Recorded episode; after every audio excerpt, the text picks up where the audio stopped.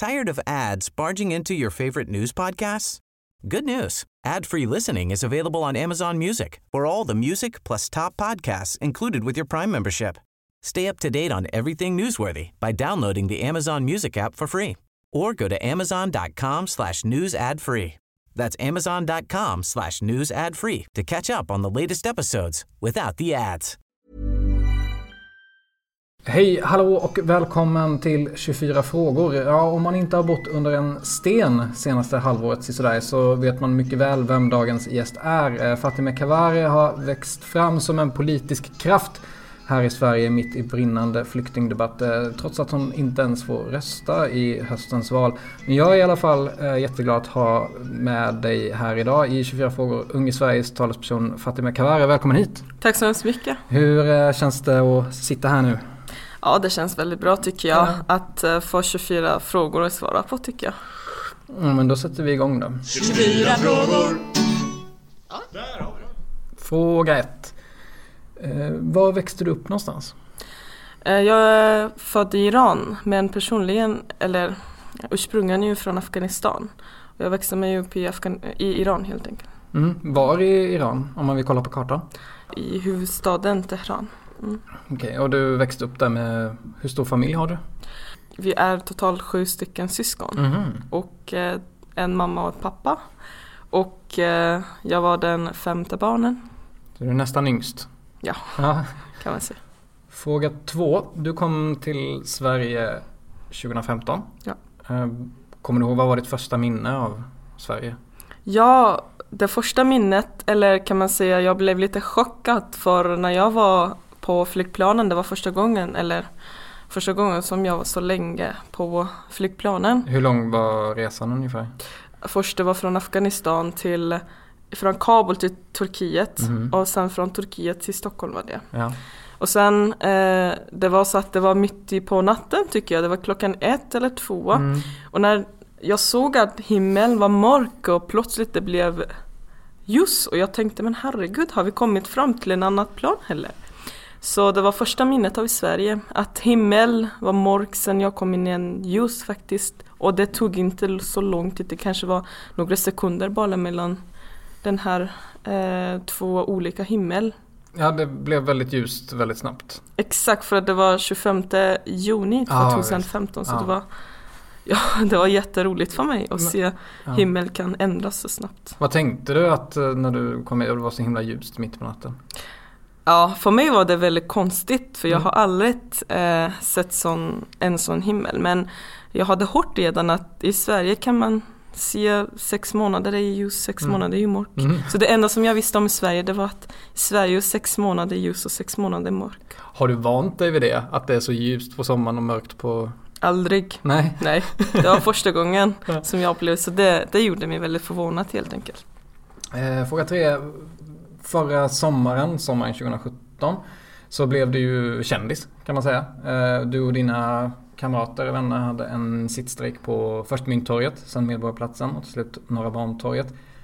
Nu har det gått några månader sedan ni avslutade sittstrejken. Vad, vad är ditt starkaste minne från, från den tiden?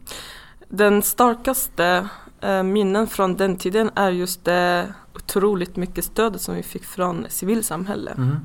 Och eh, den uppmärksamhet som vi, ble, vi fick från media. Det båda ju var väl de väldigt, väldigt så här mycket starka minnet.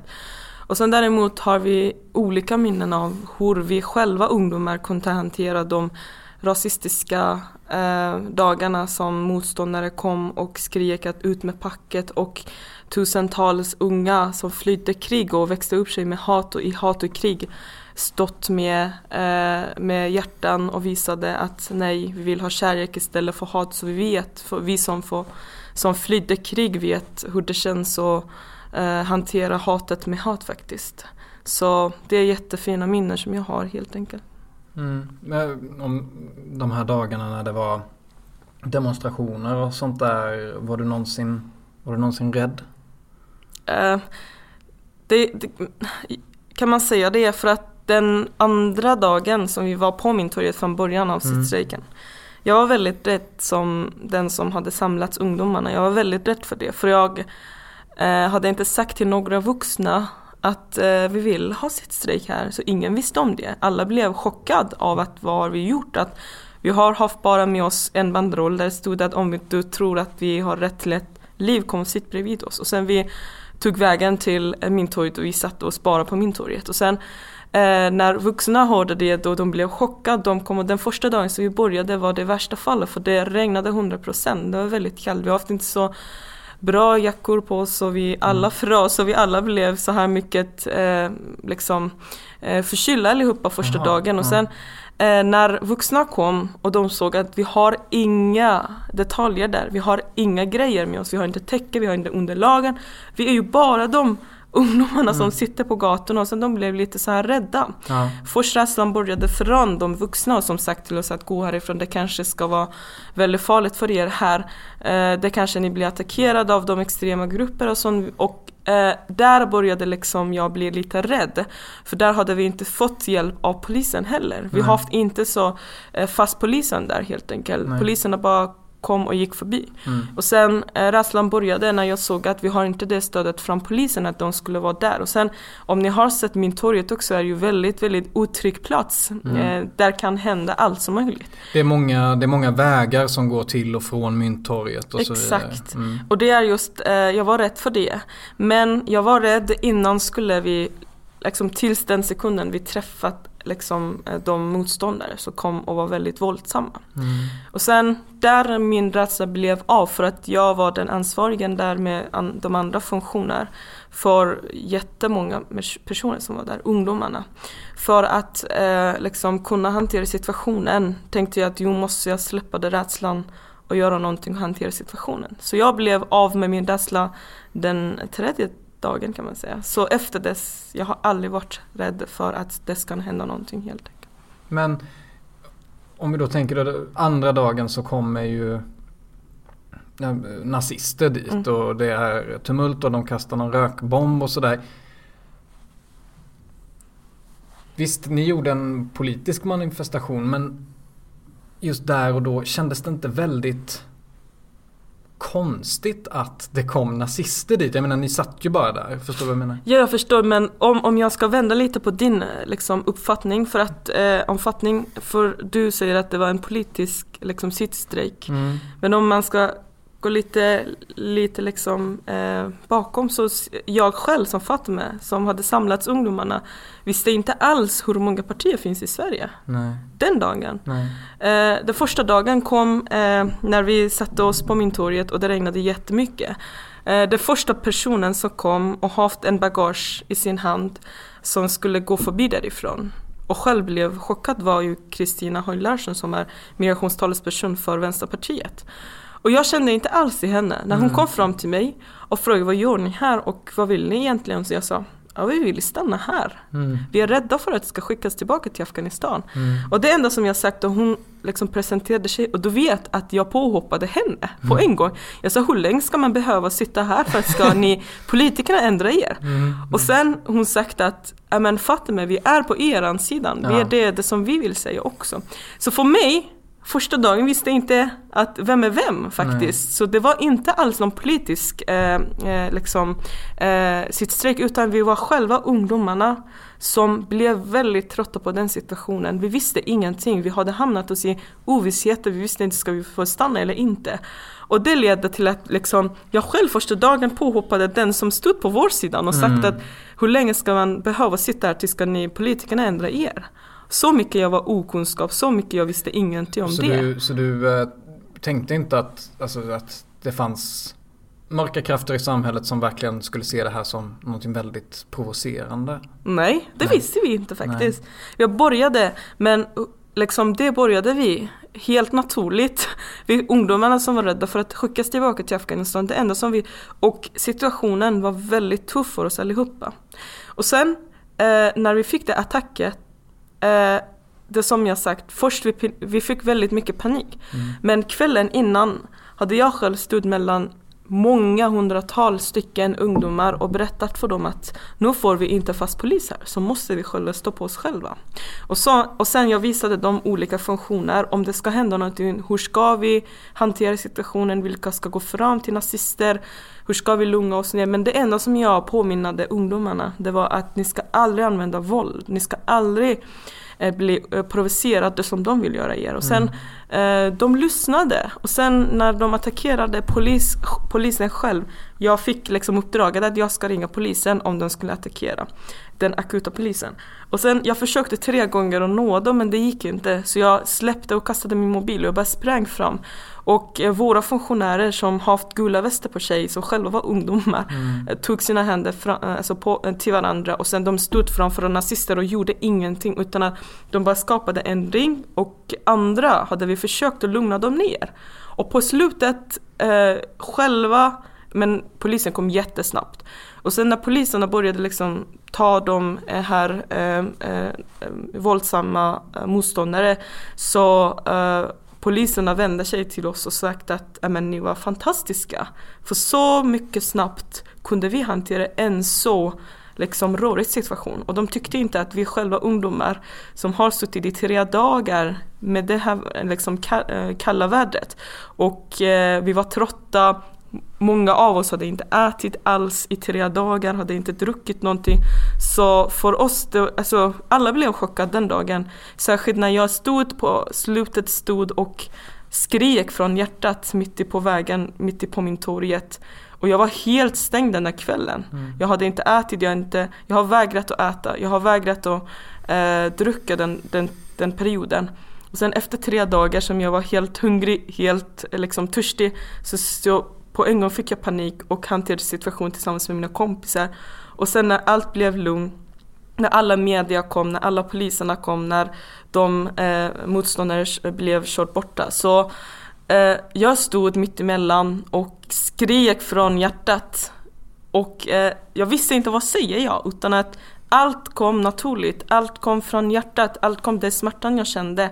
Och sen lite liksom, lite fram då såg jag eh, videon och efter äh, sitt strejken slutades då, då såg jag den här klippen. Mm. Och jag såg verkligen hur det var känsligt. Hur, mm. hur, hur det kom faktiskt och det gick liksom rakt i hjärtat. För jag stod där och skrek att ja, men vi flydde krig. Det mm. enda som jag sagt att vi flydde krig och nu blir vi attackerade av de eh, motståndare, de extrema personer som är just vuxna och de är liksom eh, eh, attackerar oss helt enkelt. Sen, vi fick paniket för det första men, men vi tänkte lite rimligt att eh, vi vet, vi som flydde krig och vi som flydde tortyr vet att hatet mot hat blir ingenting. Så måste man hantera hatet med kärlek. Fråga fyra. Vilken, vilken är din absolut största förebild? Uh, min största förebild är just kan man säga, mina föräldrar. Mm. Eller de föräldrar som eh, har kunnat kämpa i livet, i det svåra livet. För att ett liv i Sverige kan man inte jämföra med ett liv i Afghanistan eller Iran. När jag själv ibland tänker med mig, jag var en afghansk tjej som var född i Iran men var alltid illegal invandrare och fick inte ha någon tillgång till skolan, fick inte ha någon tillgång till samhället och ingenting. Så för mig, jag var väldigt okunskap. Jag var obildad människa. Jag var en tjej, 15-årig tjej som kom till Sverige. Och sen har det varit helt okunskap. Jag visste inte alls att eh, det finns ju andra religioner utan islam och kristendomen. Och sen för mig, absolut att det var väldigt så här mycket ovanligt att känna till de stora förebilder i världen. Mm. Så jag hade skapat mig mina egna förebilder. Det var mina min pappa och min mamma. Mm. Som, som flydde krig till Iran och sen kunde föda barn. Och kunde liksom kunde hålla oss helt enkelt. Mm. Och eh, kunde ge oss den tron om att i svårigheter måste man inte ge upp utan man måste kämpa och gå vidare. Och sen efter det när jag kom till Sverige och när jag började liksom lära mig språket sen jag gick in i eh, jag började gymnasiet, jag började liksom i, eh, engagera mig i det svenska samhället såg jag en jättesnäll lärare som var min kunskapslektionens eh, lärare. Mm. Samhällskunskap. Ja, samhällskunskap. Så, ja. Och sen hon var den som lärde mig om mina rättigheter i Sverige. Hon var den som lärde mig om mänskliga rättigheter. Om hon skulle inte lära mig så skulle jag aldrig veta att jag som en människa i ett demokratiskt land har rätt att protestera för att få min rätt. Vet, vet hon om det, din lärare? Att du... Jag har redan sagt till henne och sen hon, hon blev väldigt glad. Och sen, ja.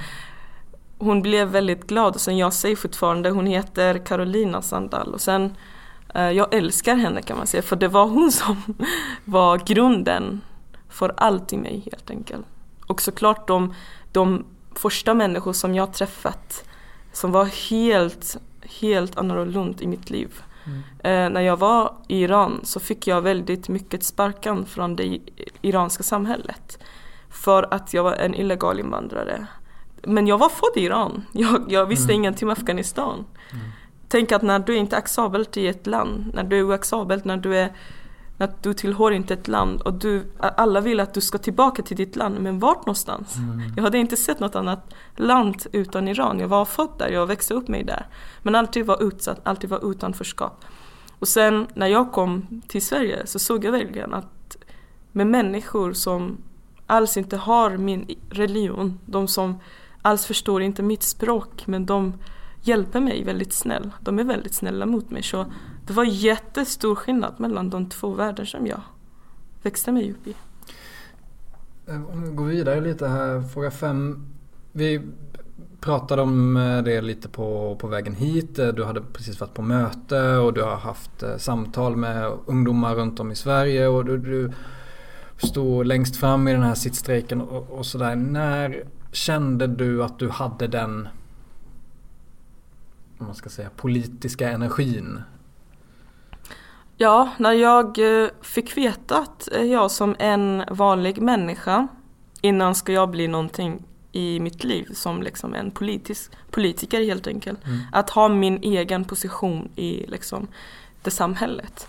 Innan dess som en vanlig 17 år tjej, nu är jag 18 men mm. den tiden.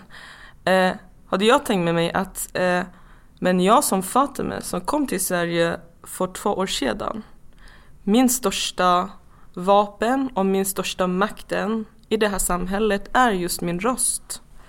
Och eh, jag förstod att eh, jag är engagerad i sådana frågor när jag förstod vilka rättigheter har en människa eller vad innebär mänskliga rättigheter och vad innebär ett demokratiskt land?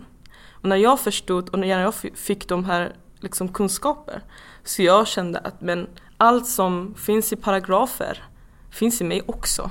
Så varför ska jag inte använda det? Jag tänker att det, det du nämner här, det är, det är väldigt många ungdomar um, både med svensk och utländsk bakgrund som känner till allt det här. Men det är ju inte alla som gör det du gör. Var, varför är du annorlunda? Kanske jag var väldigt känslig när jag var barn. Okay. Jag var väldigt känslig faktiskt. Jag, eh, jag, var, jag har aldrig accepterat att jag är illegal i Iran. Nej. Jag alltid tänkt med mig att för jag har inte papper ska jag inte bli utsatt. Det är inte rätt tycker jag. För att ett papper kan inte eh, få din rättigheter eller ge den tillbaka till dig. I Iran visste jag inte att allt som jag tänker på heter mänskliga rättigheter. Utan att jag har haft den grunden i mina tankar men jag visste inte vad heter den i de här liksom paragrafer mm, mm, som mm, finns i världen. För mig det, har, det hade varit självklart att en människa kan inte vara illegal. Och sen när jag kom hit och fick de här liksom eh, men jag vet inte, nu har jag aldrig tänkt på det att varför har jag liksom kommit på den här frågan just i Sverige? Varför kom jag på den här liksom engagemanget? Men jag känner för att jag var väldigt utsatt kan man säga också. Jag var väldigt utsatt, jag har sparat allt i mig för att hitta möjligheten någonstans och kunna använda det. Jag har sparat allt i mig kan man säga när jag var barn. Jag ville uttrycka mig småningom. Alla, jag, alla orättvisor och... Exakt. Mm. Jag ville kämpa mot det. Jag ville liksom höja rösten men jag fick inte möjligheten. Så jag sparat allt i mig. Jag använde inte det småningom. Jag var klok och jag använde det allt och jag har sparat det mm. tills den dagen som jag fick möjligheten och jag förstod att samhället är ju berett för att förstå mig. Och sen ja, sen jag kom fram helt enkelt. Fråga 6. Är du besviken på de svenska politikerna? Eh, nej, jag tror på en mening att säga att jag vet inte, jag översätter direkt från mitt eget språk men jag vet inte ska det bli rätt eller inte. Men Ja. jag försöker. då. Försök. försöker då. Eh, jag tror att besviken kommer ju hindra dig från det som du ska försöka för faktiskt. Att om besviken kommer fram så du ska inte försöka att nå någonting. Så, så om man blir besviken så blir det väldigt svårt att lyckas? Exakt, Ja, för att mm. man tappar den tron. Och när jag själv vet att till exempel om jag ska vara hopplös, om jag ska vara besviken på att det ska inte hända någonting. Mm. Så all kampen som jag är med, som jag driver och mina kompisar driver betyder ju ingenting kan man säga. Mm. Så man kan inte säga att man är just besviken. Politik är just den tycker jag. För när jag förstod vad, vad betyder partierna, vad Mm. betyder olika partier. När jag förstod vad betyder politik. Jag började liksom plugga, jag började läsa, jag började gå runt i nätet och läsa om olika liksom, politiken runt i Mm. land, världen, inte bara i Sverige. Så jag förstod att politiken är just det. Att man ska gå efter vinsten, det är just alltid det. På politiken, man, in, man kan inte lita på politiken kan man säga. Nej. Och Man kan lita på människor, men man kan inte lita på politiken. Mm. Och sen idag fick jag ett, en fråga från ETC-nyheten, tidningen. Och de Mm. ringde mig och de ville fråga lite om de här grejerna. Och de, sa, de ställde en väldigt rolig fråga till mig, Okej. så jag funderade väldigt mycket på. De sa, i de här dagarna Fatima, när partiledarna eh, tävlar med varandra, att vem ska ha hårdare asyllagar? Hur Ja. det känns det för dig? Mm. Och jag tänkte verkligen att för mig som dagligen får samtalet från de tusentals ensamkommande som vet inte ska de få stanna eller inte. När jag vet hur mår de dåliga. När jag hör verkligen dagligen att ungdomarna tar sina liv. När jag är just i den verkligheten som pågår i världen. För mig det känns väldigt tufft helt Mm. enkelt. Känna mig som en offer i det samhället. Att känna mig som en människa eller en del av, eller en siffran som ska suddas bort bara. Och människor och partiledarna tävlar för det. Så jag är inte besviken på politiken. För att politiken är just det. Men jag vill uppmana politiker att de ska välja mod och ledarskap för att de ska kunna hantera situationen. Fråga 7. Vad är det första du gör när du vaknar på morgonen? När, Koll. när vaknar du på morgonen? Brukar du sova länge? Alltså det beror på. Ja. Eh, I sex dagar sittstrejk hade jag inte alls kunnat sova bra. Kanske Nej. på kvällen hade jag sovit två eller tre timmar. För- 60 dagar hade jag liksom, hade jag liksom eh, vaknat. Alltid. Det var väldigt tufft. Och sen det har liksom, alltså det har gjort kaos i min tiderna. Jag så ibland då sover jag på morgonen och jag, sov, jag, jag, vak, jag vaknar på nätterna eller Ja. det är tvärtom. Men nu som jag är just mest hemma Ja. så jag sover lite längre Ja, när, när jag var 17-18 då sov jag ju hela tiden. Ja men du har aldrig vaknat, har vaknat i 60 dagar kan man säga. Nej, nej det har jag väl inte gjort i ja. Men eh, i vanligtvis då, jag vaknar klockan åtta och sånt. Mm. Ja. Och eh, vad, vad gör du då? För det första läser jag min nyheter. Mm. Det, det enda som jag gör är att jag följer nyheter varje morgon. Mm. Och efter det jag svarar de som har frågat mig inst från Instagram, de har skickat mig meddelande, de ungdomar som behöver hjälp helt enkelt. Och så när jag är redan klar med det så, när jag är klar med det så jag eh, äter lite frukost och sen jag eh, fixar mig för olika möten helt enkelt. Fråga 8. Du har ju varit här i två och ett halvt år. Ja. Och du pratar ju väldigt bra svenska. Var det, svårt, var, det. ja, var det svårt att lära sig? Första sex månader som jag började nyss eh, grundskolan Ja. För mig det var väl i värsta fallet kan man säga. För jag orkade inte, jag ville bara skolka skolan. Jag bara, det fanns en, jag hade läst eh, grunden, grundgymnas, eh, grundskolan, sorry. Ja, Grundskola i Aspudden skola. okej. Jag har varit där. Och sen, det finns en park nära Aspudden skola. Så, så mycket det var tufft för mig första dagen som jag var helt stum och döv för jag kunde inte engelska heller. Nej. Det enda som jag gjorde det var att jag bara skolkade och skrev till min lärare, jag, jag är sjuk idag. Ja. Och så jag bara satte mig och gångade bara i parken.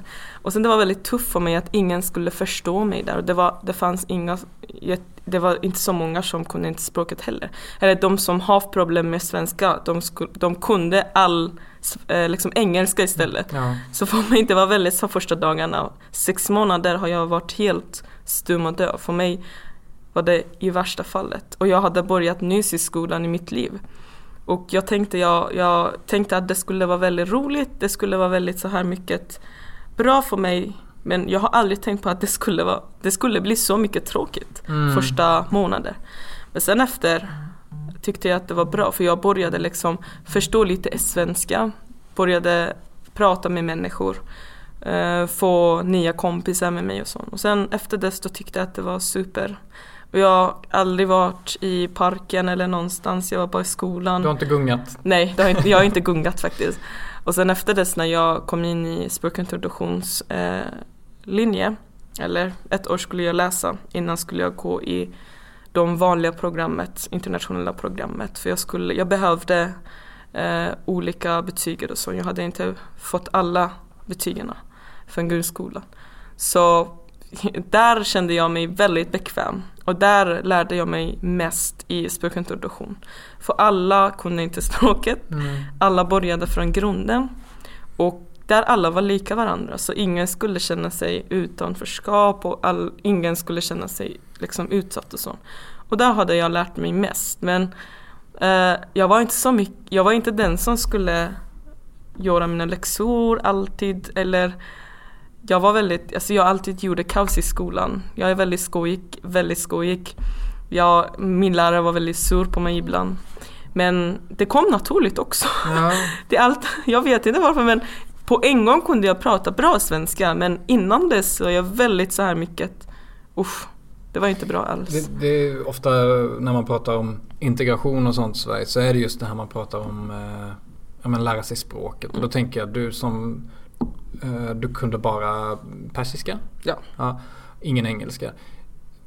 Du som har varit i den situationen, hur, vad tror du är bästa sättet för att nyanlända ska lära sig svenska? För det är ett ganska svårt språk. Ja, det är ganska svårt. Mm.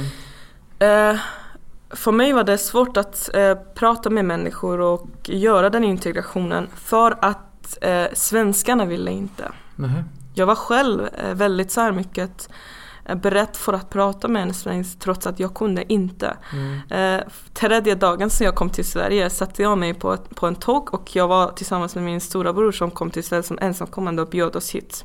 Och vi kom igenom honom. Och sen, han var med mig och han hade lärt mig tre ord.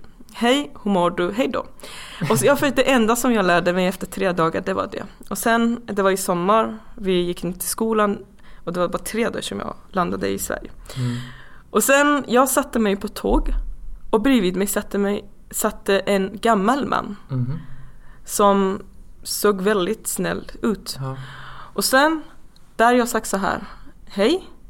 Och han bara stirrade på mig så här, hej.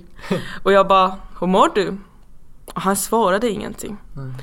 All, ingenting. Och sen jag bara, jag blev rädd. Så jag glömde bort vad betyder hej då. Jag, jag glömde bort ordet hej då när han blev sur på mig. Och så han sa ingenting. Och när jag skulle av tåget så sa jag bye bye, jag glömde bort hej då. Men Ja. jag hade lärt mig bye bye istället. Så jag sa bye bye. Men den dagen, den tredje dagen, själv försökte med tre ord kontakta människor Mm. omkring mig. Men den mannen vägrade det. Det, För- det förvånar mig inte för att det är ganska svenskt och, och eh, jag, jag vet knappt själv hur jag hade reagerat om det kommit fram en, en liten flicka och sagt hej hur mår du på tåget. Ja, så kanske jag kunde inte uttala det rätt heller. Nej, Och sen tänker jag att ja, men det som jag ville säga det är att integration har inte bara en sidan utan att jag var självberedd men jag fick inte det liksom eh, stödet från den mannen för att jag skulle börja och lära mig kanske ett nytt ord för Mm. att integrera mig. Och sen det som jag tycker just i den eh, migrationspolitiken som finns i Sverige all ansvaret är just på invandrare. Och därför det kommer ingenstans. Mm. För att det bara fortsätter och fortsätter. Så det är bara försöker och försöker. Men det går inte. Tills svenskarna ska inte ställa ut, upp sig för att prata med oss. För att eh, kunna liksom etablera kontakt med oss. Så mm. vi kan inte, vi, vi, invandrare kan inte prata med oss själva bara och säga att vi har gjort integrationen. Nej, det går inte. Så Nej. integration har inte bara en sida. För mig det var så att jag själv var beredd för att prata med tre ord och mm. kom, liksom, etablera kontakt med en som satte sig bredvid mig. Mm. Men det var liksom, den han hindern kom från den mannen som satte sig bredvid mig helt enkelt. Intressant. Mm. Fråga nio. Uh, du är ju, vad ska man säga, du är någon som många ser upp till. Uh, många kanske har som förebild. Hur, hur känns det? Ja, det ger man en jättestor ansvar. Särskilt mm. när man är eh, talesperson, när man är en förebild för utsatta människor. Det, det gör situationen ännu mer tuffare och ännu mer så här mycket. Eh, man får väldigt så här mycket tung ansvar. Eh, och eh, det känns som att eh, alla ser på dig. Du kan inte vara dig själv längre utan att du ska vara för jättemånga människor. Utan att du ska, till exempel, jag behöver ibland vara ledsen när det händer någonting men nu kan jag inte. För det är jättemånga till som kollar på mig. Om jag ska bli ledsen då det är hundratal till som blir ledsna. Mm. Så det är både svårt och skönt. Skönt för att man kan vara den förebilden. Man kan vara den ikonen för att människor ska få energi, människor ska få kämpa, människor ska kunna uttrycka sig och kunna vara lite lugnare för att det finns ju en annan bredvid oss som är ju starkare än oss helt enkelt. Och vi kan kolla upp och följa dem.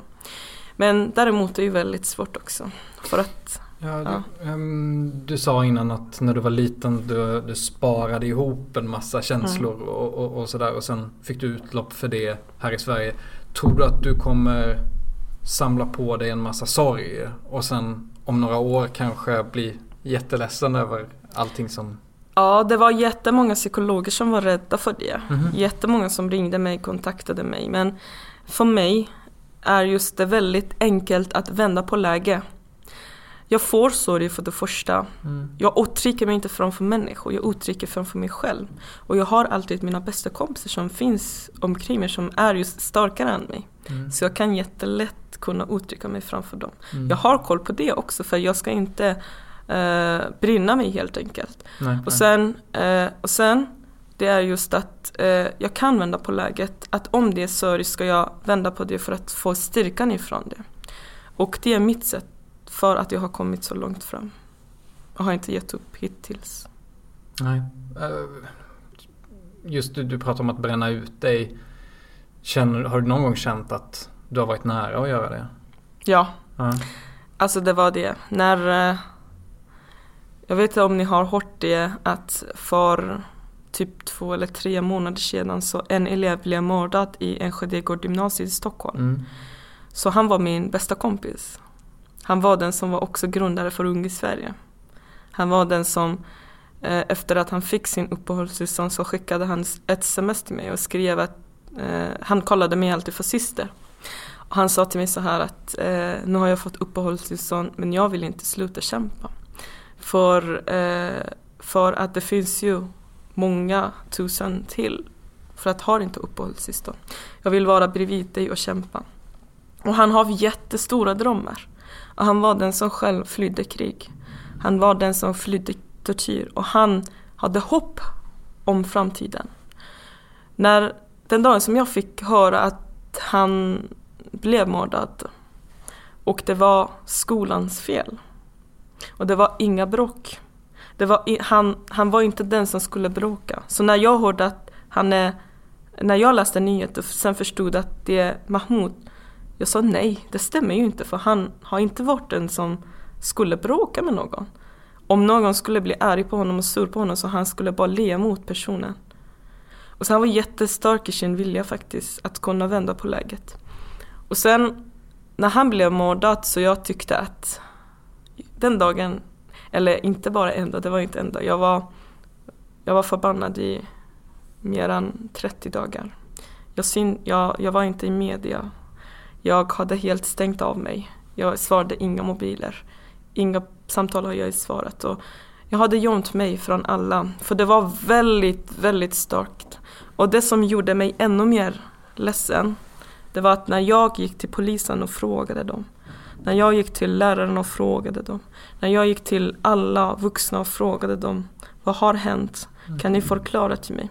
Hur kan vi få hans rätt? För att det speglades väldigt dåligt bild av honom. För de media skrev första dagen att det var en bråk mellan eh, Mahmoud och de andra. Men det var inte det.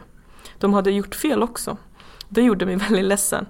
Och sen när jag gick fram till de personerna, när de sagt att men du är inte anhörig till honom. Så jag blev väldigt ledsen för att en ensamkommande har inga anhöriga i Sverige. Mm. Så det, det, det innebär att det är väldigt, väldigt djupt för mig.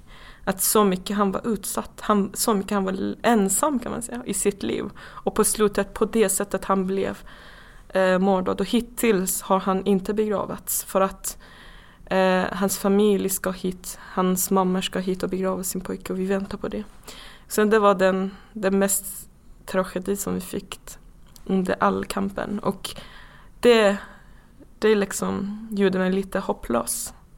Eller det gjorde mig lite besviken.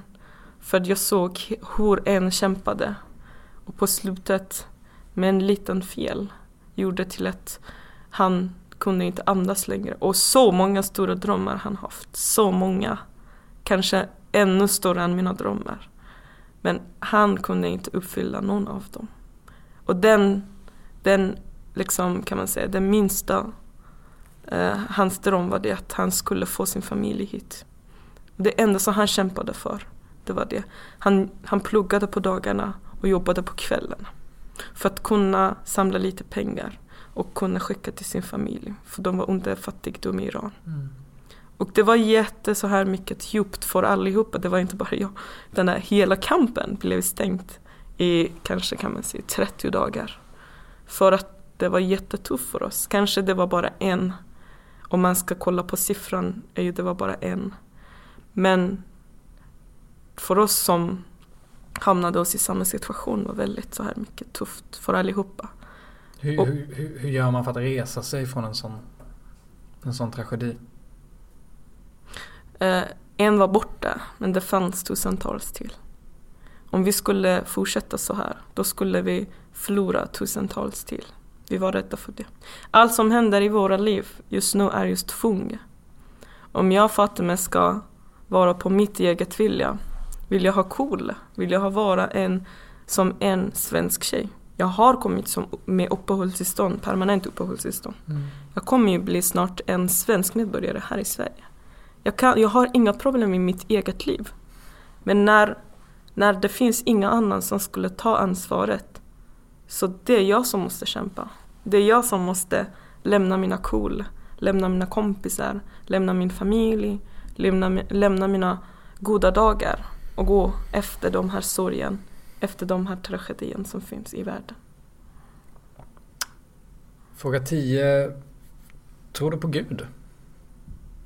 ja. Är det någonting du alltid gjort eller har du? Jag är en troende tjej. Mm. Ja. Jag är en troende tjej. Men det finns liksom, jag har hijab, jag bär hijab, jag är muslim. Jag, jag är troende. Mm.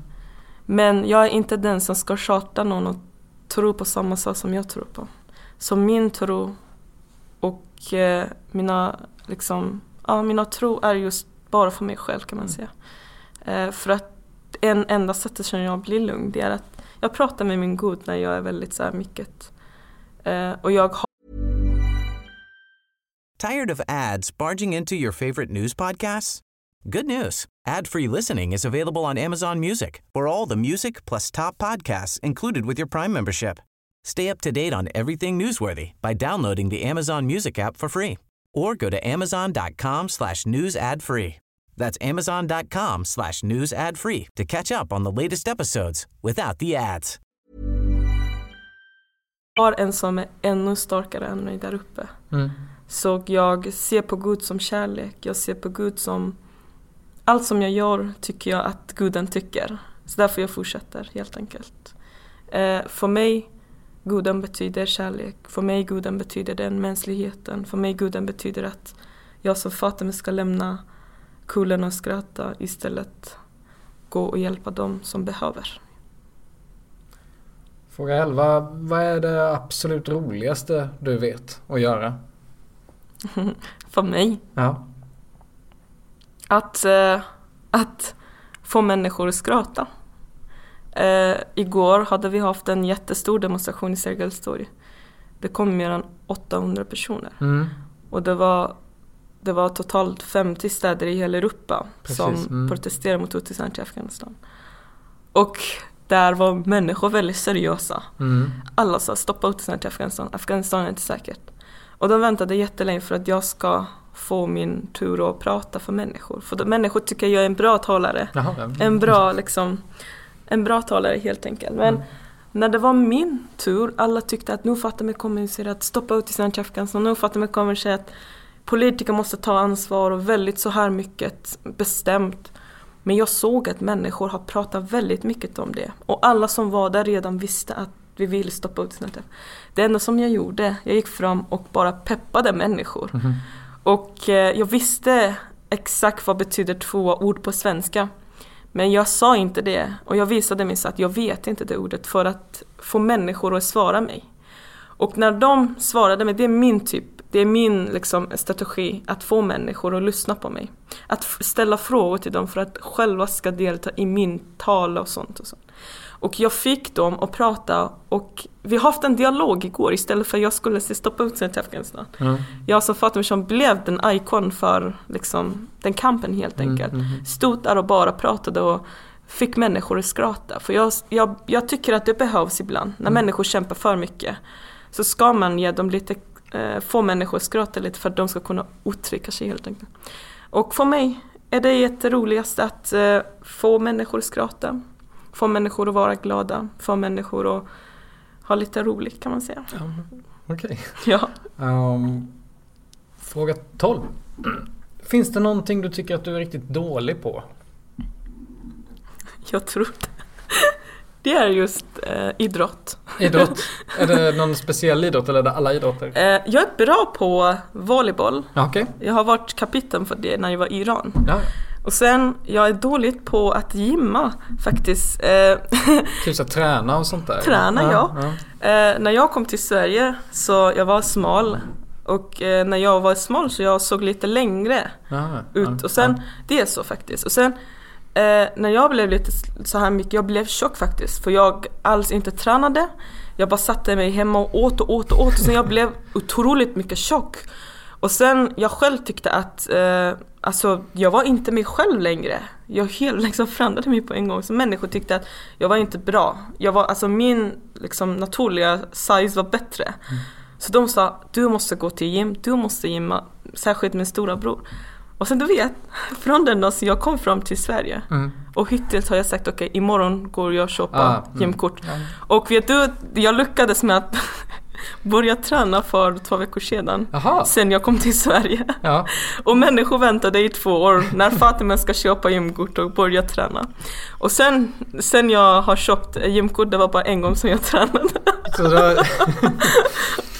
Okej, så, så det... Och alla vet du, nu har människor, eller mina kompisar, hittat eller skapat en ordspråk som säger att eh, när Fatima börjar träna, när utvisningarna stoppas.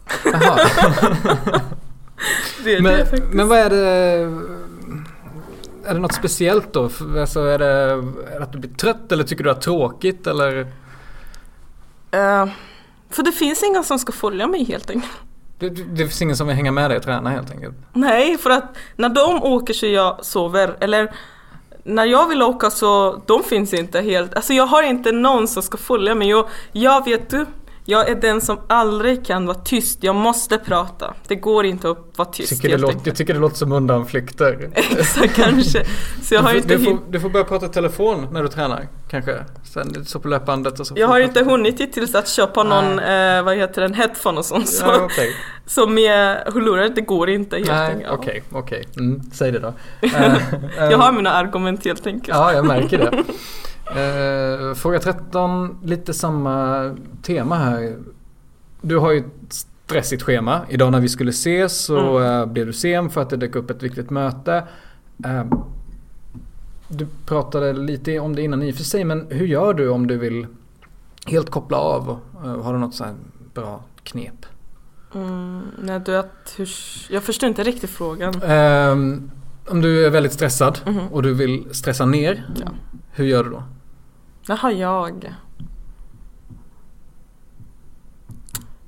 Just det, jag lämnar min mobil någonstans. Ah, okej. Så jag blir helt av kan man säga. Det räcker med att All stress finns i min mobil. Ja.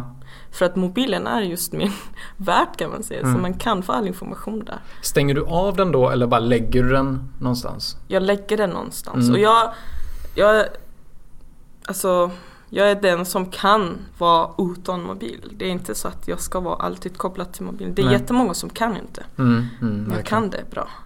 Så när jag känner mig att nu jag överdriver så jag lägger min mobil någonstans. Och om alla ska ringa mig, alla samtal, jag svarar ju inte, jag hör att det ringer. Mm. Och min familj blir stressad, jag blir inte det.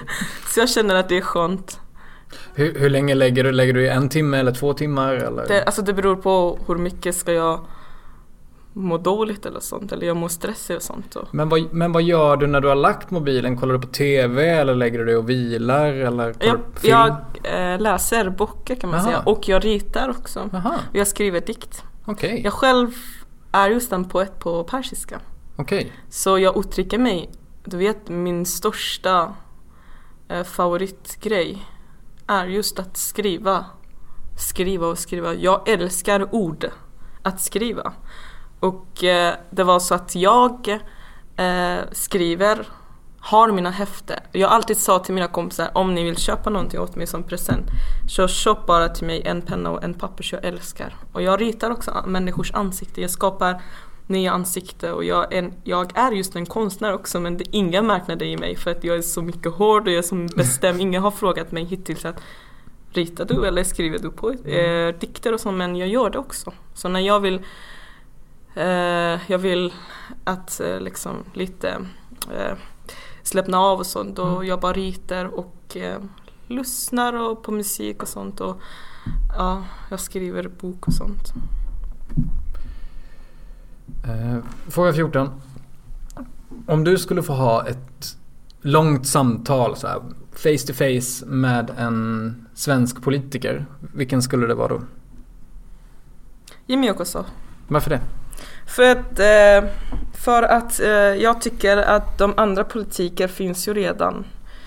De har den förståelse om situationen. Och de, alltså, de andra politiker, de till vänster kan man säga, Mhm. åker till vänster.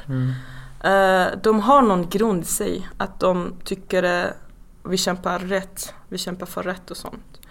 Och de säger inte det tydligt att ni gör fel, ni gör fel. Men det enda som säger det tydligt är just Jimmy Åkesson. Mm. Och för att ska man påverka på riktigt måste man få de som tycker det är helt fel. Och de uttrycker sig på det sättet också. Jag vill jättegärna eh, träffa Jimmy Åkesson. Jag har inte lyckats med det. Nej, men vad tror ni att... Eller vad, vad, vad tror du att ni hade pratat om? För mig är det väldigt... Eh, jag har liksom själv träffat många nazister, rasister, många av dem som tycker inte om mig, många av dem som liksom eh, är just mot mig. Mm. Men, eh, men jag vill liksom prata med den som är just huvudpersonen. Jimmy är just den som är just huvudpersonen för alla de som kritiserar flyktingar, alla de som tycker att invandring och de andra är förstör samhälle, välfärden och sånt. De som är just väldigt tydliga för att sudda bort oss helt enkelt. Jag vill jättegärna prata med honom, jag vill det faktiskt. Mm. Och prata med honom och förstå hur kan en människa sitta framför mig och vilka argument ska han använda? Och vad ska han prata om egentligen? För att övertyga mig att jag ska suddas bort helt enkelt. För mig är det väldigt roligt. Jimmy, om du lyssnar så... eh, Kom till Fadme. eh, f- fråga 15. När man... eh, tänker på dig då tänker man ju på flyktingfrågan och migrationsfrågan. Men finns det några andra politiska frågor som du brinner för? Jag? Om politiska frågor? Ja, jag tycker om den eh, ekonomiska frågor också. Okej. Okay. Jag älskar det. Men jag tror att det är för tidigt för mig. Mm. Eh, men jag tycker om det väldigt mycket. Vad är det mer speciellt med ekonomi du, du tycker är spännande? Eh, jag tycker att eh, det är spännande, inte av mitt perspektiv, men det som finns i världen. I världen, alltså pengar är just makt kan man säga. Särskilt när jag själv var barn och eh, när jag haft inte pengar, när jag var under fattigdom och sånt. Mm. Så för oss pengar är just väldigt viktigt för att kunna överleva, för att kunna, eh, för att kunna överleva kan man säga.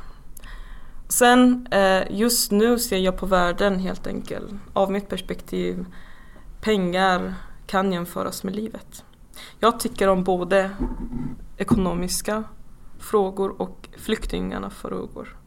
För det hänger ihop Ja precis, det går ju går in i varandra. Det går in, det går in varandra. Mm. Sen, men det som är människorna rädd för, för att de tycker inte om flyktingar, det är att de tycker att flyktingarna kan förstöra de här pengarna som finns.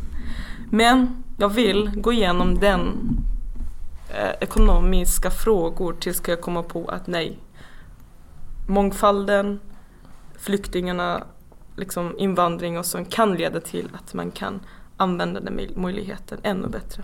Kan man utveckla den ekonomiska, eh, liksom, jag vet inte vad heter begreppen på ekonomiskt, jag har inte kommit än. Eh, ja, tillväxt till exempel. Tillväxt ja, mm. kan man säga.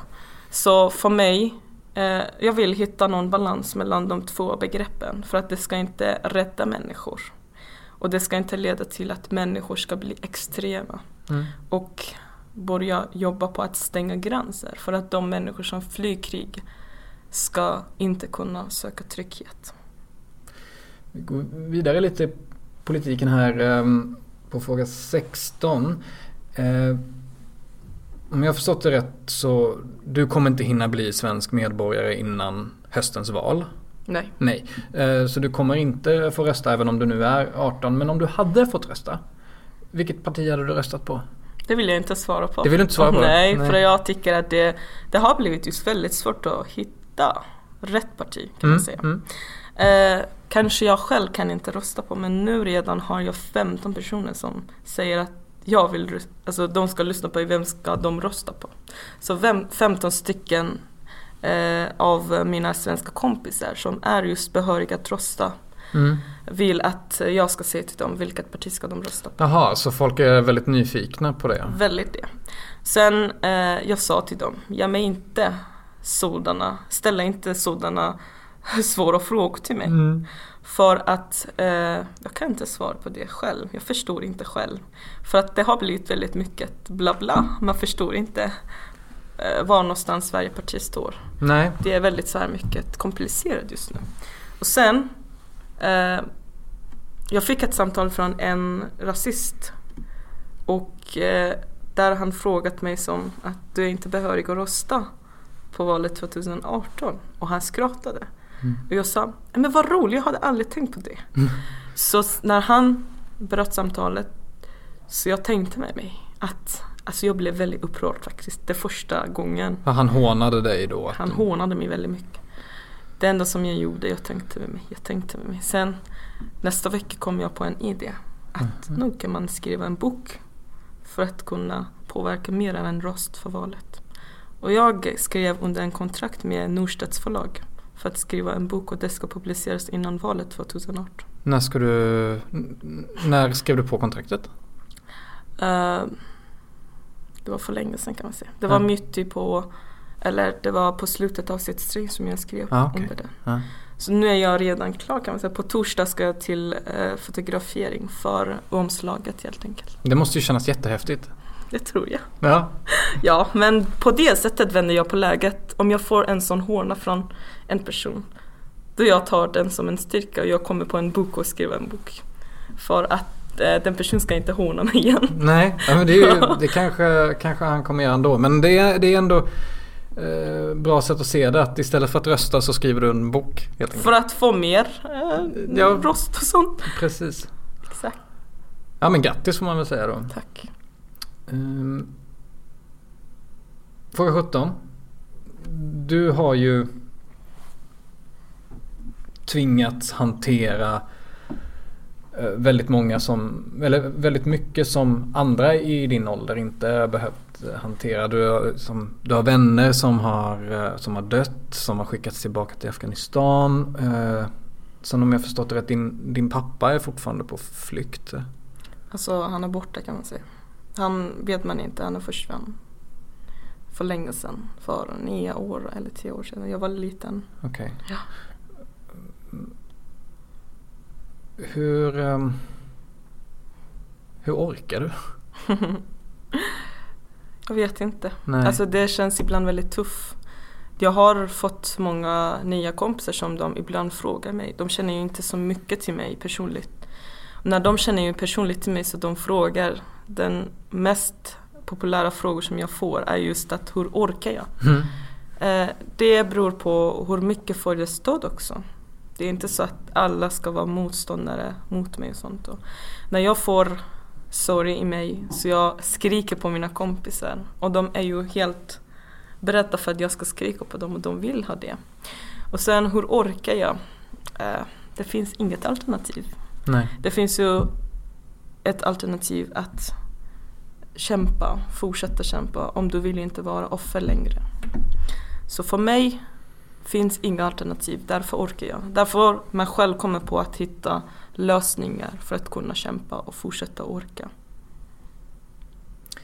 Eh, Jag är inte, liksom, jag är inte välkommen ingenstans.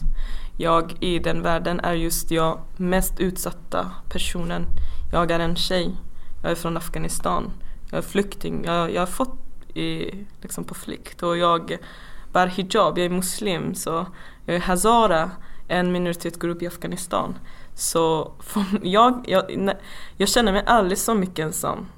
Så att när jag tänker på min position i världen så för mig finns inga utrymme. Jag måste bara köra rakt. Jag kan inte gå tillbaka för att det finns ingenting bakom mig. Man måste gå tillbaka, det finns andra utgångar, det finns inte det. Det finns bara en väg och det är att kämpa för att vi ska inte suddas bort. Fråga 18. Du... Um, ja, men så att du har ju blivit lite kändis nu och du, du har den här kampen i allt du gör. Tror du att du någon gång kommer få kunna leva ett normalt liv i Sverige? Alltså det är svårt med kändisskapet. Det är Ja. väldigt svårt. Mm. Man kan inte leva det normala livet. Eh, jag, har inte så, jag har inte blivit så mycket känd. Men ändå, det är jättemånga som känner ju till mig. Mm. Ibland när jag sitter på tåget eller så, det är inte bara afghaner. I Af- mellan afghaner har jag blivit superkänd. Men mellan svenskar har jag blivit känd mellan de som är just politiska engagerade. Ja. Och sen eh, när jag sitter ibland på tåget, det är människor som stirrar på mig. De kommer inte ihåg exakt vem jag är men de stirrar. Och då får man en väldigt dålig känsla. ja. Är den personen misstänkt på mig? Har Ja, jag gjort något ja. fel eller sånt? Men, eh, men jag vet inte. Men De, de det sitter är där och det. bara, vad känner jag igen henne ifrån?" Exakt. Men det som är svårt med kändisskapet är att man kan inte ha sin egen no- normal liv kan man säga. Sen eh, när jag går ut på gatorna, när jag vill vara med min, liksom, min kompis bästa kompis. Mm. När jag går, en gång ville jag liksom gå från den röda ljustrafiken. Vet du det? Ljustrafik. Ja, alltså, Det var gat, röd. gat, gatlys. eh, Röd, röd gubbe helt enkelt. Röd gubbe helt enkelt. Ja. Ja. Det, det fanns inga bilar. Det fanns inga bilar. Och sen Nej. det var klockan tre på natten kan man säga. Och jag skulle ta mig vidare till Arlanda för jag skulle eh, flyga utomlands. Ja. Och sen, det var inga bilar på gatan. Tänk när jag skulle gå den röda liksom, Du skulle gubben. gå mot röda gubben? Exakt, och sen Mm. det, var, det fanns inga bilar. Nej. Och så tänkte jag på en gång, kände jag att någon fotograferar mig. Ah. Och jag, när jag vände mig då var det en rasist som sa Som tog en bild på dig? Ja! Och sagt att men du respekterar inte svenska lagen. Jag sa vad säger du? Och jag kom tillbaka och väntade tills det blev grön. Men han tog det i alla fall. Och sen så mycket var jag så här mycket under deras koll och sånt. Så det var tre på natten. För mig var det, alltså hittills har jag aldrig vågat att göra det en gång till. Jag alltid stannar om jag ska missa tåg, flygplan, allt som möjligt. Så jag stannar bara. Men det är ju... Det hände för mig speciellt, det var jätteroligt. Det är väldigt märkligt, men alla har väl någon gång gått över mot röd gubbe tänker jag. Det är väl helt normalt. Ja, och sen det, det fanns inga bilar. Det, Nej, det, precis. Och, eh, men jag själv blev chockad och sen Ja, jag bara tänkte herregud det är så svårt att kunna liksom kunna gå mot en röd gubbe helt enkelt. men eh, planen är att ehm, du planerar att stanna här i, i Sverige resten av livet? Är det så du tänker? Jag ska ha min, gen- min generation, min nästa generation här helt enkelt. Mm. Jag vill ha det för att jag tycker att det finns ingenstans bättre än i Sverige. Jättesnälla människor. eh, Jätte... Sverige är väldigt engagerat kan man säga. Mm. Det enda som behövs det är att människor ska väckas. Annars i grunden är just de väldigt snälla. Och de är ju beredda för att hjälpa. Eh, fråga 19. Det finns ju också mycket eh, näthat. Du var inne på det här. Den här killen som fotade dig på övergångsstället. Men också så här, hat och folk som sprider konstiga lögner om dig. Hur påverkar det dig? Ingenting. Alltså Förutom att du har slutat gå mot röd gubbe. Ja, exakt. Eller jag, när jag får hater så jag börjar skriva en bok istället. Ja. Eller därför kunde inga de här kritiker, kritikerna ta över mig. Annars, så mycket har jag fått hot. Om jag ska, ingen kan kunna orka kan man säga. Nej. Inga. Det var jättemycket. Det var inte liksom normalt. Det var, det var, så hotet kom från både afghanska samhälle och svenska samhälle. Vad var det för typ av hot som kom från det afghanska samhället? Du vet att jag och mina kompisar som är tjejer Mm. har brutit en tabu. Ja, ja. Att tjejerna som är aldrig utsatta ska vara längst fram i kamp.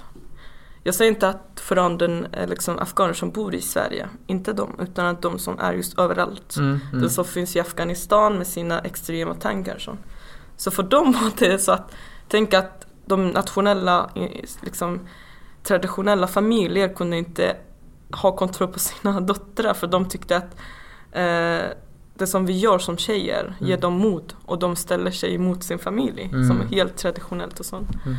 Så det skapade en väldigt rolig situation för alla familjer. Afghan, eh, alltså traditionella afghaner, Mm. afghaner och sånt. Mm. Och sen eh, på det sättet kunde jag hantera för att bry mig inte om dem. Och tänk på de positiva grejerna. Jag har, alltid, jag har aldrig tänkt på de negativa. Jag tar de positiva och sen det var så att jag stänger av och förstår svenskar när de hatar mig helt enkelt. Jag förstår inte när de pratar och skriker på mig. Det fanns ju människor som stod mot eh, framför mig och sen ansiktet till ansiktet. Mm, mm. Och sen face to face och sen de skrek på mig. Skrek på mig, skrek på mig, tjafsat. Men du vet att den, den tiden förstod jag ingenting svenska. Du bara stängde av. Jag stänger av själv för att förstå inte vad de säger annars. Jag vill ha den fina bilden av Sverige och svenskar. Jag vill inte att det ska förstöras. Så jag själv stänger av min förståelse om språket och sånt. Så jag förstår ingenting. Så jag förstår, jag, jag, jag bemöter en människa som pratar med ett helt annat språk. Så jag förstår inget. Så jag bryr mig inte om vad innebär vad han säger. Så för mig är just min eh, eh strategi att hantera de som tjafsar med svenska och så. Fråga 20, någonting helt annat. Vilken är din eh, favoritmat? Min, Mhm. eh, i Sverige eller i Nej, överhuvudtaget. överhuvudtaget är just en, ja jag äter allt men den favoritmaten i svenska är just eh, eh, pannkaka som jag tycker väldigt mycket. Jag själv kan också, det var första svensk mat som jag lärde mig här Ja. i Sverige. Och sen jag tyckte det väldigt mycket. Jag vet att det finns en annan namn för det också. Det, det heter pannlapp som de som bor i eh, Dalarna och i Malung helt enkelt. De kallar det för pannlapp. Jaha, det är mer än vad jag vet, men det stämmer säkert. Exakt, det stämmer. Och sen eh, jag eh, hade ätit den pannlappet eh, i Dalarna med en svensk familj Och de hade ätit tillsammans med det ice cream också, eller gla Ja, glass. Mm. Eller hur? Det, det, det smakar väldigt gott. Ja, väldigt tycker jag. lyxigt. Men Exakt. jag, annars... eh, så, du- så du äter pannkakor med glass? Ja, det är jättegott. Annars många äter ju med grädde eller sylt eller något sånt där. Men du, är det någon speciell glass? Vanilj, Det är vaniljglass? Vaniljglass, ja. Ja, det låter Men det var bra. jättegott. Och sen Ja. det afghansk mat, det finns ju så mycket du vill, vet du. Men onyttiga mat är just alltid de goda. Mm. Och sen i Sverige, du vet, det är väldigt nyttigt. Samtidigt är det inte så mycket gott. Det. det är mest potatis kan man säga. Ja, Det är det. men, men eh, det är inte... Var inte sur på mig men... jag Nej, jag är skojar. inte sur. Jag, jag försöker bara tänka efter vad det finns för svensk mat som uh, verkligen. Alltså, pyttipanna är ju en sån där grej som... Jag har ätit det också. Jag har ätit och smakat de allra flesta liksom, maten men det är jättesvårt med deras namn för jag är inte så bra på namn Nej, nej, nej. Men det, det bästa är just pannkaka eller pannlapp med ice cream. Och sen, eh, ja, i afghansk mat det är alltid, alltså det är mycket olja, det är mycket så, så. Det är alltid gott men det är, inte, det är onyttigt faktiskt. Men jag har valt mig och jag bestämt mig att jag ska försöka och äta de här nyttiga eh, maten som svenskarna äter. Ja, om man... Jag tror att om du äter traditionell svensk mat, det som vi kallar för husmanskost. Mm. Då är det ju inte, det är inte så nyttigt. Det är mycket proteiner och det är mycket så här, tanken är att man ska jobba hela dagen. Och sen så ska man äta, det är mycket fläsk och mycket potatis och mycket sås och sånt där. Men jag kanske tänker att du tänker mer på maten man äter här i Stockholm. Där det är mycket sallad och... Ja, det tycker jag väldigt. Jag har redan blivit det faktiskt. När jag sitter på, när jag sitter hemma ibland. Jag, I de här dagarna eller de senaste halvåret har jag aldrig varit hemma. Jag har Mm. aldrig varit på resan och sånt. Och sen när jag finns hemma och sen mamma blir glad och fixar mat och när jag sitter vid bordet och vill äta. Så jag äter inte som en afghan längre utan jag äter som en svensk. Ja. Mamma ser att men du har förändrats med 100%. jag, alltså jag tycker inte som de äter ju 90 och nej, men det är inte bra mamma. Ät istället sallad och sånt. Jag, jag har redan blivit att automatiskt en svensk, eh, liksom den som äter svensk mat. Och sen Mm. för mig är det godare just nu. Det är bra för mig. För min hälsa är ju väldigt bättre. För innan dess då var jag, åt bara hamburger, jag, jag åt bara uff, de onyttiga. Ja, Så jag, därför blev mm. jag tjock helt enkelt. Men efter dess vill jag liksom börja äta de nyttiga eh, som ja, sallad mest och eh, eh, de grönsaker tycker jag är goda helt enkelt. Fråga 21. Eh, skulle du vilja bli svensk statsminister någon dag? jag har blivit redan känt med, eh, jag är redan kan man säga. Du är redan svensk. Människor kallar mig nu, redan nu, att eh, Sveriges nästa statsminister. ja, eller fast, fast, fast du är ju inte statsminister Det än. är jag inte Men än. skulle du, vilja, skulle du vilja ha en politisk karriär i Sverige? Eh, om, om den dagen som jag blev intervjuad av ETC-tidningen, Mm, där mm. jag skrev målet är att bli statsminister. Mm. Det översattes till persiska. Det var Aha. jätteroligt. Det skapades en konflikt mellan de som tyckte om mig och de som inte tyckte om mig. Okej. De sa att du använder människor för att bli statsminister. Jag Ah. sa vad? Kan man bli statsminister med att få människor med sig och komma ut på gatan? Det går inte. Om man ska bli statsminister för Sverige måste man få all kunskap. Jag sa den dagen jag ska bli statsminister, när jag är klart med Harvard University, när jag kommer ut med mina olika böcker, när jag kommer ut som en professor, så ska jag bli statsministern. Men för mig statsministern har en betydelse som en som kan hjälpa människor. En, jag inte som Sveriges statsminister som finns nu utan att eh, en bra statsminister, en bra politiker kan man säga. Eh, man vet inte. Men jag själv tycker att bli, eh, jag själv vill ha framtiden. Jag, jag har jättemånga drömmar om framtiden om jag ska hinna leva kan man säga. Ja, du är ju väldigt ung så du hinner nog. Eh, tror jag.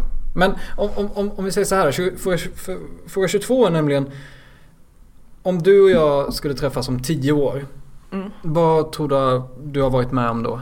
Om tio år. 10 år. Mm. Eh, jag har kommit in i Harvard University. Mhm. Eh, jag har läst internationella relationer. Jag har fått min första examen. Jag eh, har redan skrivit några böcker. det är jättestora tycker jag. Ja, men tio, tio år, det hinner du. Jag, eh, jag eh, har blivit äldre kan man säga. Ja, det... det ska jag bli också. Men kanske mer erfaren, mer... Uh... Mer erfaren och mm.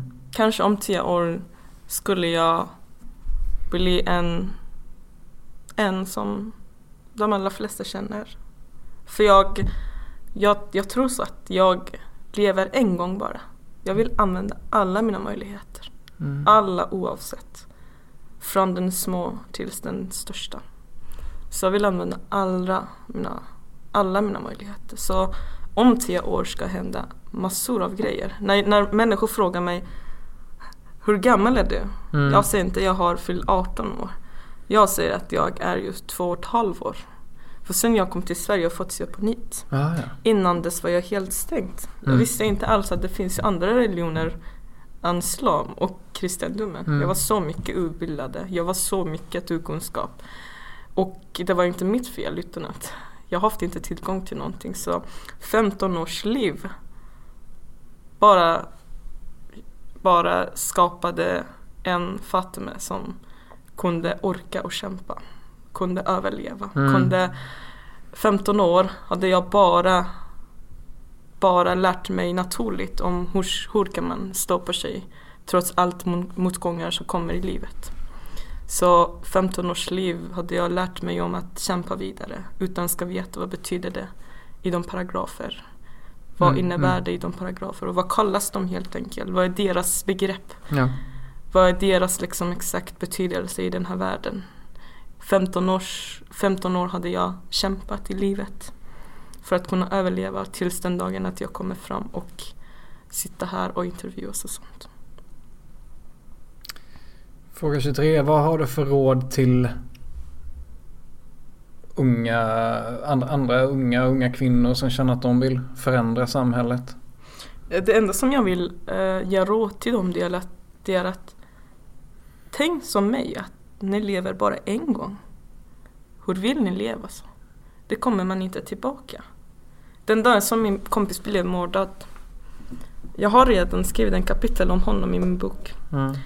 Och där skrev jag faktiskt att den dagen jag hörde att Mahmoud blev mördad. Där var det första gången i mitt liv att jag drömde. Och jag verkligen önskade att jag ska gå tillbaka till tiden. Mm. Det första gången i hela mitt liv som jag önskade att tiden ska gå tillbaka. För jag ska kunna hjälpa min kompis. Det var, där förstod jag hur sekunderna är viktiga. Det enda råden som jag har till ungdomarna. Det är jättemånga ungdomar som är just inte politiskt engagerade. De tycker att det är för tråkigt. Mm. För när jag sitter med mina svenska kompisar de tycker att jag är som deras mormor. Och jag är så ja, mycket äldre än dem. Mm. Trots att jag är ännu yngre än dem faktiskt. Och de tycker att de som jag, det som jag pratar är just inte viktiga för dem. Men det är just viktigt. Mm. Om det är just världen, om det är vi människor.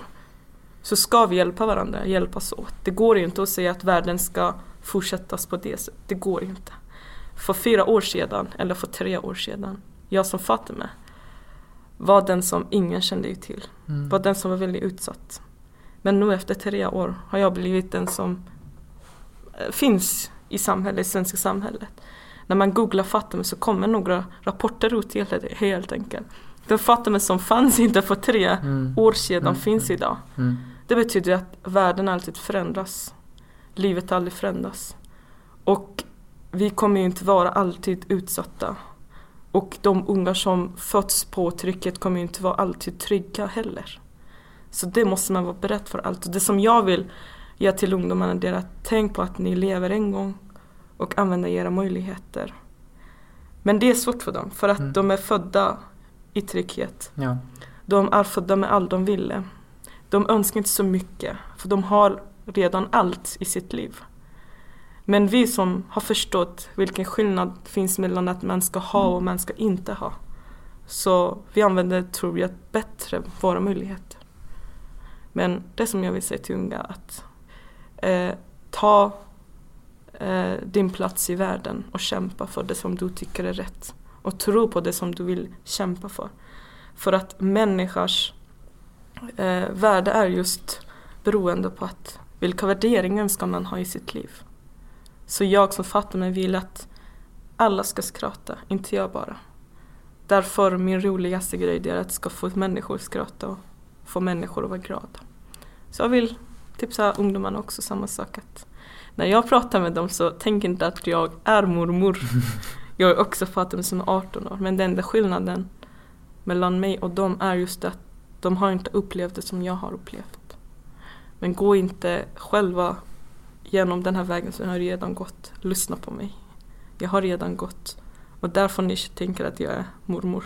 Mm. Om ni vill inte bli mormor, om ni vill bli uh, normala, mm. så hitta rätt vägen att gå igenom. Fråga 24. Uh, vad händer nu den närmsta tiden med Ung i Sverige och med dig? Ja, Ung i Sverige kommer fortsätta sin eh, strategi. Ung i Sverige kommer fortsätta med att bilda opinionen. Ung i Sverige kommer ju finns, all, finns eh, utanför alla förvar som ska någon deportation ske och sånt. Och Ung Sverige och kampen kommer ju fortsättas tills den dagen att de rädda ungdomarna ska få ett liv här. Och med Fatime, den Fatime ska börja lära sig engelska. Mm. För jag tycker att jag har inte så mycket, tillräckligt mycket eh, språk genom eh, makten genom språk.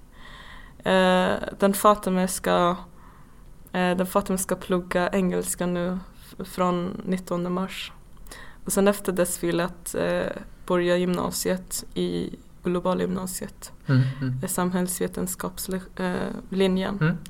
Och sen vill försöka att hålla den hoppet mellan tusentals unga som redan har gett upp.